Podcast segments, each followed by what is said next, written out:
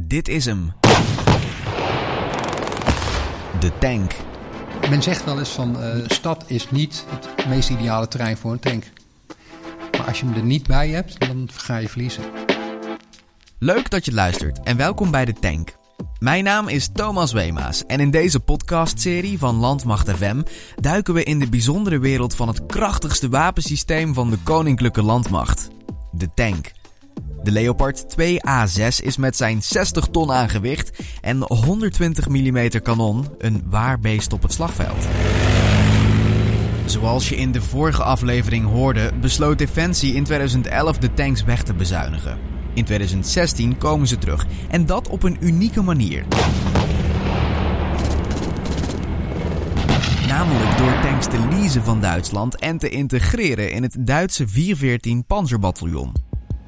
Deze aflevering gaat dus over de samenwerking met Duitsland en over de algemene samenwerking tussen de tank en andere eenheden. Ook werpen we een blik op de toekomst. We beginnen met de Duits-Nederlandse samenwerking. Daarvoor spreek ik met major Chris Sievers. Hij is stafofficier bij de 1e Duitse Panzerdivisie. En daarvoor was hij plaatsvervangend bataljonscommandant bij Panzerbataljon 414 in het Duitse Bergen-Honen. Mooi is dat ik ben begonnen bij het bataljon waar mijn vader ook uh, lang heeft uh, gediend. En daar heb ik mijn eerste stappen bij het, uh, bij het praktische tankoptreden gezet. Aangezien Chris op dit moment in Duitsland is, spreken we elkaar op afstand. Mijn eerste vraag is eentje die we allemaal wel willen weten. Waarom komen die tanks eigenlijk terug, na ze de deur uit hebben gedaan? Nou ja, dat is eigenlijk heel, heel makkelijk om dat te verklaren. Want waar ook ter wereld wij als militairen een missie gaan uitvoeren, zij het nou een uh, missie in het kader van een grootschalig conflict of in het kader van stabilisatieoperaties, blijf je bij een opponent, hè, dus een tegenstander, uh, een groot risico lopen dat daar ineens een gevechtstank, dus een vijandelijke gevechtstank verschijnt. En als je daartegen moet optreden, is het beste om met een eigen tank daartegen op te treden. Dat is. Um, uh, dat is de manier uh, waarop we het doen. En dat konden we dus sinds 2011 niet meer. Er zijn wel allerlei alternatieven bedacht en ook uh, aangekocht om toch op een bepaalde manier tegen een vijandelijke tank of een tank van een opponent op te kunnen treden. Maar wat we bleven missen was die gevechtstank op het gevechtsveld. En door die, terug, door die in 2016 die capaciteit terug te halen in de landmacht waren we dus weer mogelijk om waar ook de wereld uh, tegen een uh, gelijksoortige tegenstander te kunnen optreden. En daarmee genereerden we weer ja, mobiliteit, gevechtskracht, maar ook bescherming op het gevechtsveld. Met, met, met de tank kun je niet alleen offensief optreden tegen die, tegen die tegenstander, maar genereer je ook meteen bescherming voor je eigen eenheden. Hadden ze bij Defensie gewoon een grove fout gemaakt? Of hoe konden ze dit over het hoofd hebben gezien? Nou ja, grove fout, daar is goed over nagedacht. En uh, in de tijdgeest van toen is dat een politieke keuze geweest, politieke beslissing geweest om dat te doen. Om daar geld mee te genereren. En de stand van de techniek was natuurlijk ook dusdanig dat er best wel capaciteiten, zeg maar alternatieve capaciteiten uh, op de markt waren, laat ik het maar zo zeggen, waarmee je uh, tegen vijandelijke tanks uh, kon optreden. Maar onder de streep concludeerden we dan toch later dat, ja, dat, dat we één capaciteit missen en dat is die tank. De samenwerking die dan opgestart wordt, lag die voor de hand of waren er dan nog andere opties? Nee, ik denk dat deze wel de meest voor de hand liggende was. We, we hebben altijd al veel met Duitsers uh, samengewerkt. Uh, ook qua materiaal dat wij in Nederland uh, hebben, of veel materiaal, defensiematerieel wat wij in Nederland hebben, dat kopen we ook in Duitsland. Dus die samenwerking die was er op een bepaalde manier altijd wel. We lijken ook best wel veel op elkaar. Dus het was heel voor de hand liggend om, om dit op deze manier ook aan te gaan lopen. En hoe gaat het in zijn werk, zo'n zo binationale samenwerking? Nou ja, dat begint natuurlijk uh, met, met de wens van, van, van beide landmachten om dit uh, te willen en om dit te gaan doen, om dit, uh, ja, om dit echt te gaan, gaan doen. Ehm, die, die wilde die was er zowel bij de landmacht als bij, het, bij de Duitse landmacht, die we het, het heer noemen. Uh, dan moet deze wil natuurlijk ook uh, door de politiek nog worden afgezegend. Uh, want ja, zonder politieke afzegening kun je dat wel willen, maar als die er niet is, dan gaat dat ook niet gebeuren. Dus die, die politieke afzegening die kwam er ook. En dan wordt er een soort van samenwerkingsverdrag gemaakt waarin ja, het, speelveld en de spelregels op papier worden gezet waarbinnen deze integratie en samenwerking gaat plaatsvinden. Um, en als dat ja, document dan staat, dan moet je daar ook echt uh, invulling aan gaan geven. En aan Duitse zijde, hè, ja, aan Duitse zijde is dat uh, gedaan door, laat ik het zeggen, de deur van de eerste Duitse panzervisie te openen voor de 43e brigade. Zodat de 43e brigade die al bestond kon worden geïntegreerd onder bevel kon worden genomen bij de eerste Duitse panzerdivisie. Uh, aan Duitse zijde werd ook uh, het altijd mobilisabel gestelde uh, eh, 414 tankbataljon gereactiveerd. dat werd uit de mottenballen gehaald. En onder bevel gesteld van de 43e brigade en gevuld met Duits personeel en materieel. En wij als Nederland hebben dan onze bijdrage daarin geleverd door uh, zeg maar ongeveer 100 uh, Nederlandse militairen in dit bataljon uh, te integreren. Dat is zeg maar in een nutshell hoe we, dat, hoe we dat hebben gedaan. Er zit natuurlijk heel veel bloed, zweet en tranen in. Um, maar zo is dat tot stand gekomen de afgelopen jaren sinds 2015, 16. Het 414-bataljon kent zo'n 350 Duitse en 100 Nederlandse militairen. Maar als je gaat kijken hoe dat er op papier uitziet, is het toch even puzzelen. Voor eens en voor altijd. Hoe is dat bataljon nu ingedeeld? Panzerbataljon 414, 414 tankbataljon, is qua structuur uh, en materieel een puur Duits bataljon. En wij hebben als Nederlanders gezegd, wij willen daar graag aan meedoen uh, door een van de compagnieën, in het Nederlands zouden wij zeggen escadrons, te vullen met uh, Nederlands personeel. Dus je moet het eigenlijk zo zien. Het is een, uh, ja, het is een compleet Duits bataljon met in totaal vier compagnieën, één stafcompie en drie tankcompieën. En de vierde tankcompie is qua structuur, dus qua, qua, qua huls, qua omhulsel, Duits. Maar qua leven hebben wij dat met, Nederland, met Nederlandse militairen gevuld. Um, en dat is ook de reden waarom wij als Nederlanders binnen dat Panzerbataljon 414 geacht worden Duits te praten. Omdat uh, om, om binnen dat escadron te kunnen werken, moeten we Duitse opleidingen volgen. Moeten we, op Duits moeten we gebruik maken van Duits materieel. En om daarvoor gecertificeerd te raken, om daar zeg maar je rijbewijs voor te krijgen of je bewijs voor te krijgen dat je daarmee mag werken, uh, ja, moet je de Duitse taal spreken. Uh, dus onder de streep, 414 Panzerbataljon is ja, qua structuur compleet, uh, qua organisatiestructuur compleet een, een Duits tankbataljon. En we hebben afgesproken om 100 militairen daar te laten werken. Nederland leest 18 tanks van Duitsland. Hoe zit dat leaseproces in elkaar? Nou, daar zijn uh, vier, vijf jaar geleden ook afspraken over gemaakt. Op dit moment is het zo dat uh, de Nederlanders van 414, of de landmacht laat ik het zo zeggen, voor oefen- en trainingaspecten uh, gebruik maakt van de Duitse tanks. Dus daar wordt dan uh, daar, daar wordt ook zeg maar geen leasebedrag voor tanks betaald. Maar op het moment dat Nederland een echte ernst inzet met tanks wil gaan doen. Um, en daar tanks voor nodig heeft. Op dat moment gaat zeg maar, dat leasecontract in werking. En is afgesproken dat Nederland dan die 18 tanks van Duitsland kan leasen om die ook in te gaan zetten.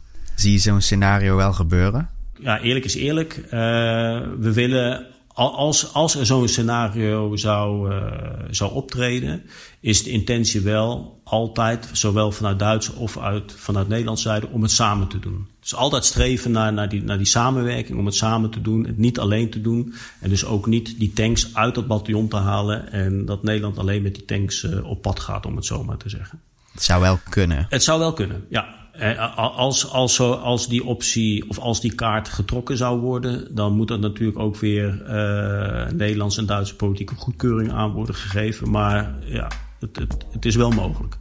Volgend jaar gaat 414 op missie naar de Baltische Staten.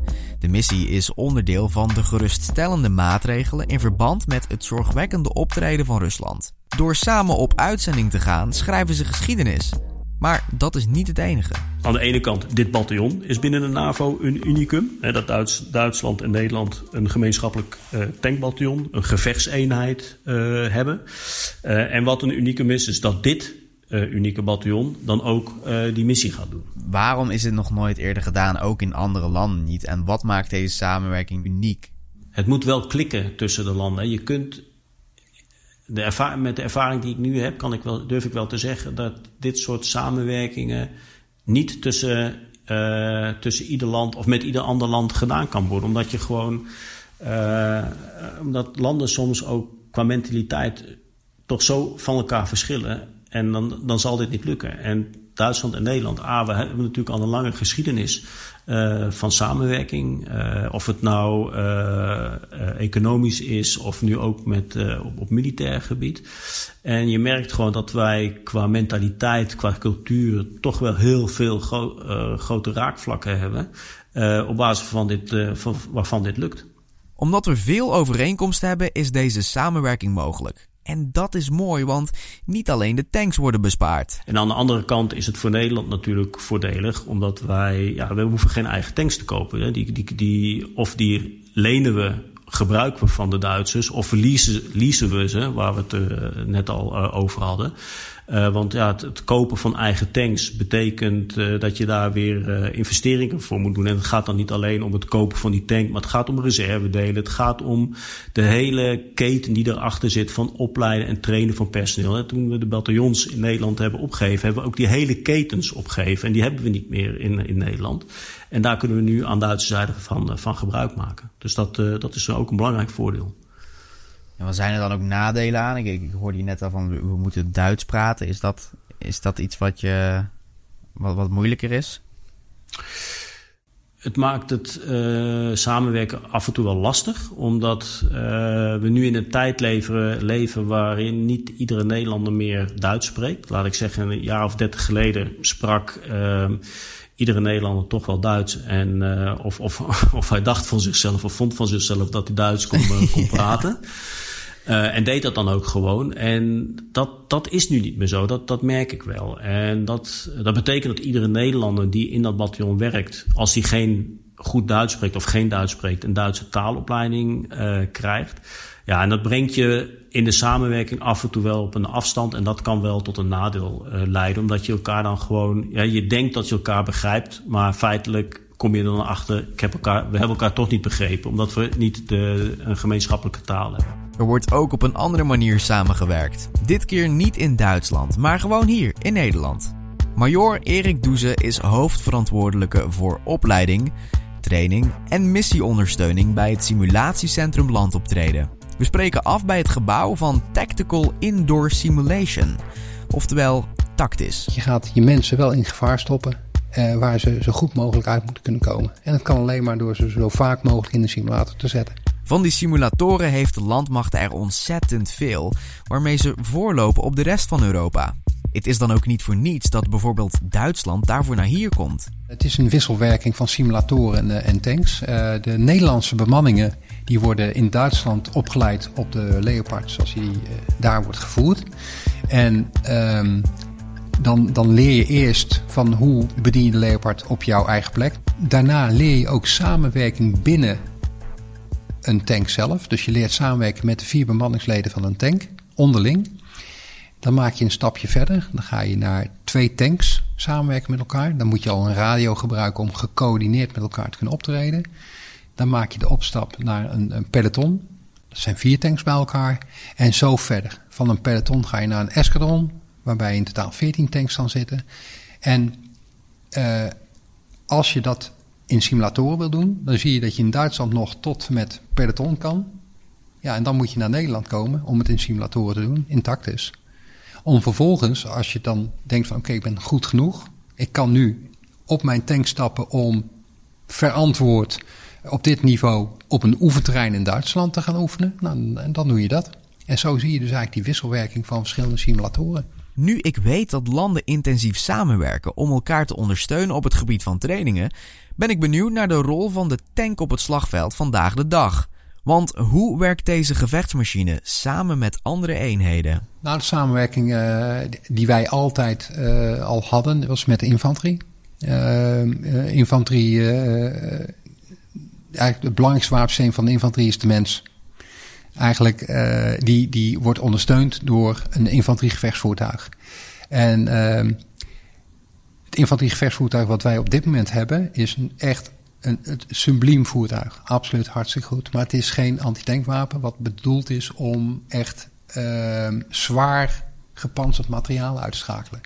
De Leopard uh, heeft dus altijd die rol gehad en het wapensysteem is ook als zodanig gemaakt. Dus een heel zwaar kanon erop, wat dus een heel hoog doordringingsvermogen heeft. Nou, en die mix zorgt er dus voor dat je dus altijd goed gecoördineerd met elkaar moet kunnen samenwerken. Nou, daar hebben we radio's voor, daar hebben we onze ja, spraakgewoontes voor. Hè, de, de, eterdiscipline, zoals we die wel eens in andere programma's hebben gehoord. Dat, dat is bij ons heel erg sterk.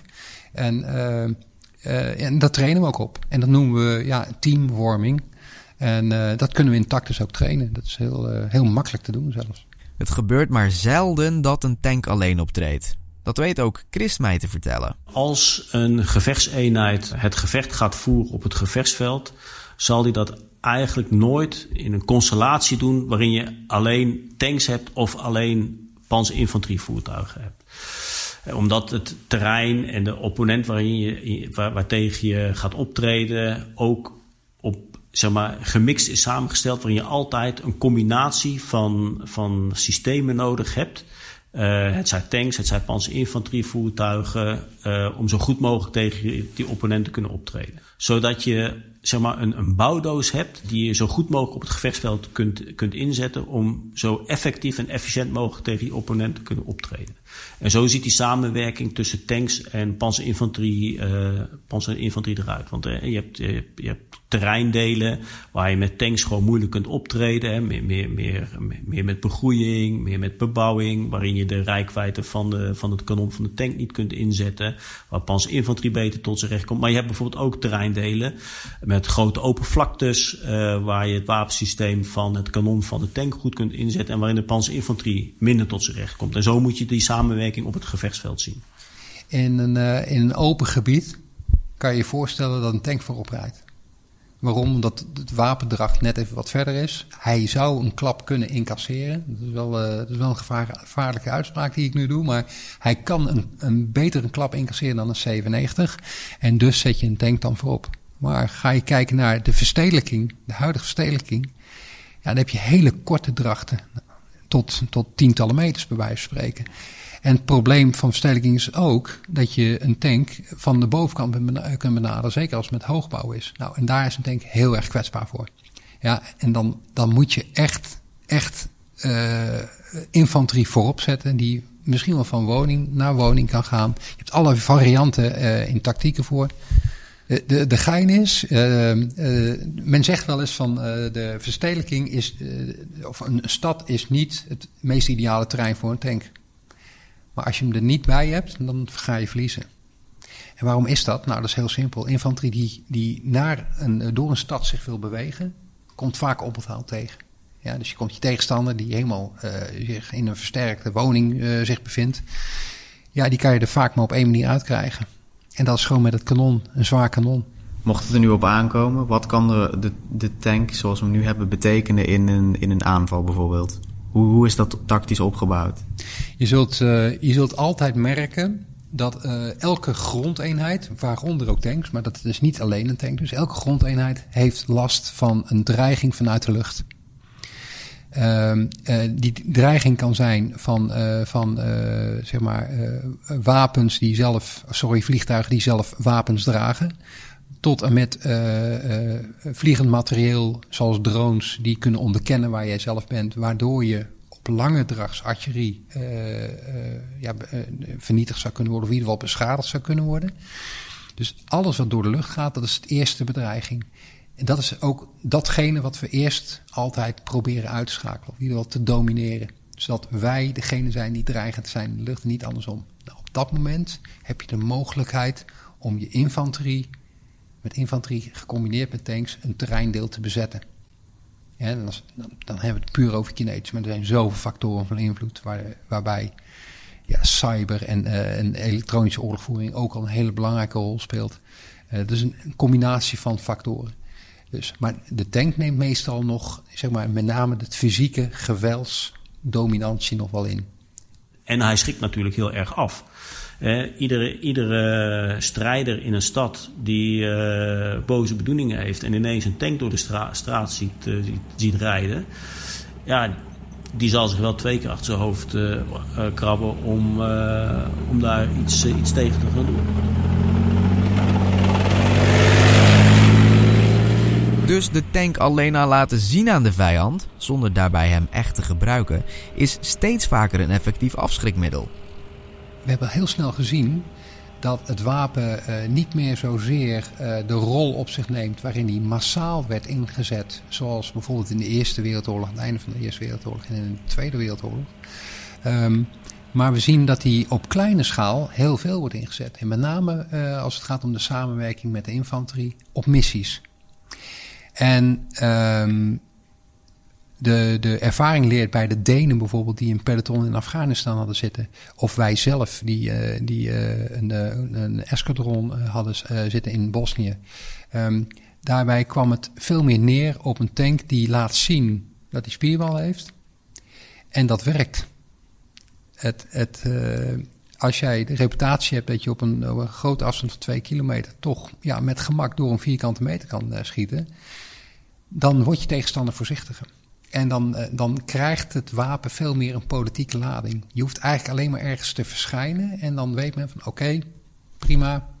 Dit is, dit is net even te veel voor ons. En, en uh, je vijand die haakt af. Dat hebben de Denen veel gezien. Moesten daarvoor een paar goede demonstraties geven ook. Uh, bij de Engels hebben ze daar verschillende acties gehad. waarvan eentje zelfs op YouTube is beland. Waarbij je dus heel erg bijna chirurgisch kunt, uh, je vijand kunt bestrijden zonder dat je daar grote bommen op hoeft te gooien. Dus het is eigenlijk een ander soort wapen in het arsenaal van een commandant. Het is veel, uh, veel uh, chirurgischer als het gaat om het toepassen van geweld of het dreigen met geweld. Spierballen tonen dus. Nu de rol van de tank op het slagveld duidelijk is, werpen we een blik op de toekomst. Welke functie heeft de tank dan? En hebben de tankers zelf een toekomstvisie voor dit wapen? Absoluut. En, um, en ik denk zelfs dat, die, hè, dat, daar een, een, een nieuwe ontwikkeling uh, gaande is, waarin uh, de tank zich door zal ontwikkelen in een, in een, uh, in een nieuwsoortige tank, die ook beter tot zijn recht komt in, in, de, in de hoogmoderne technologische conflicten van, uh, van vandaag de dag.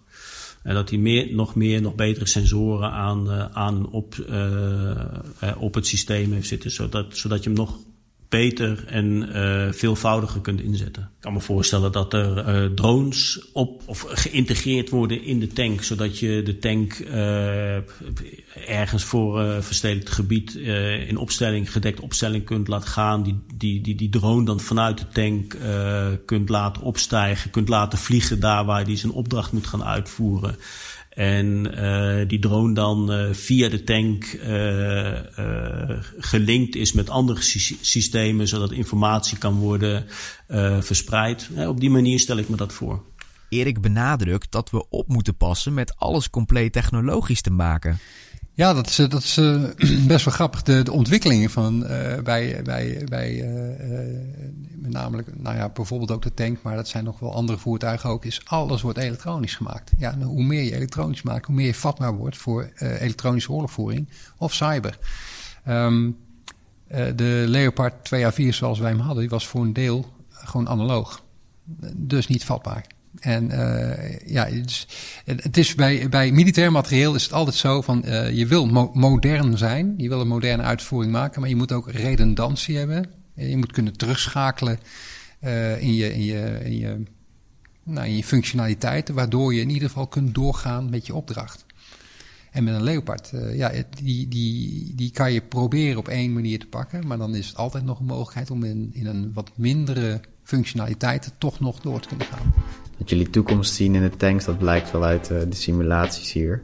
Ja hoor, uh, absoluut. En uh, ja, er, is, er ontstaat nu ook internationaal, ik wil niet zeggen een run op tanks, Maar we weten nu inmiddels wel dat het moeilijk is om nu nog aan tanks te komen. En dat is gewoon omdat de vraag er, uh, ernaar erg groot is.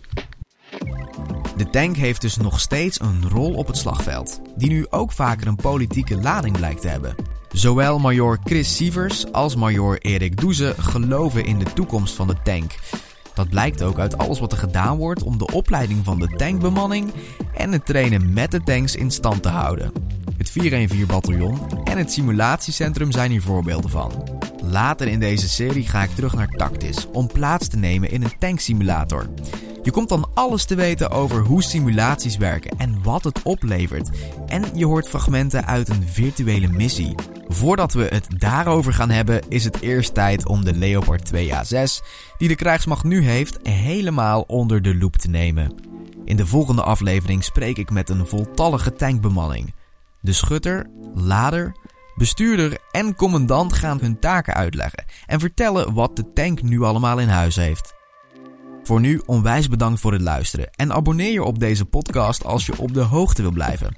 Mijn naam is Thomas Wemaas en dit was aflevering 2 van De Tank, een productie van de Koninklijke Landmacht. Ik spreek je bij aflevering 3. Tot dan!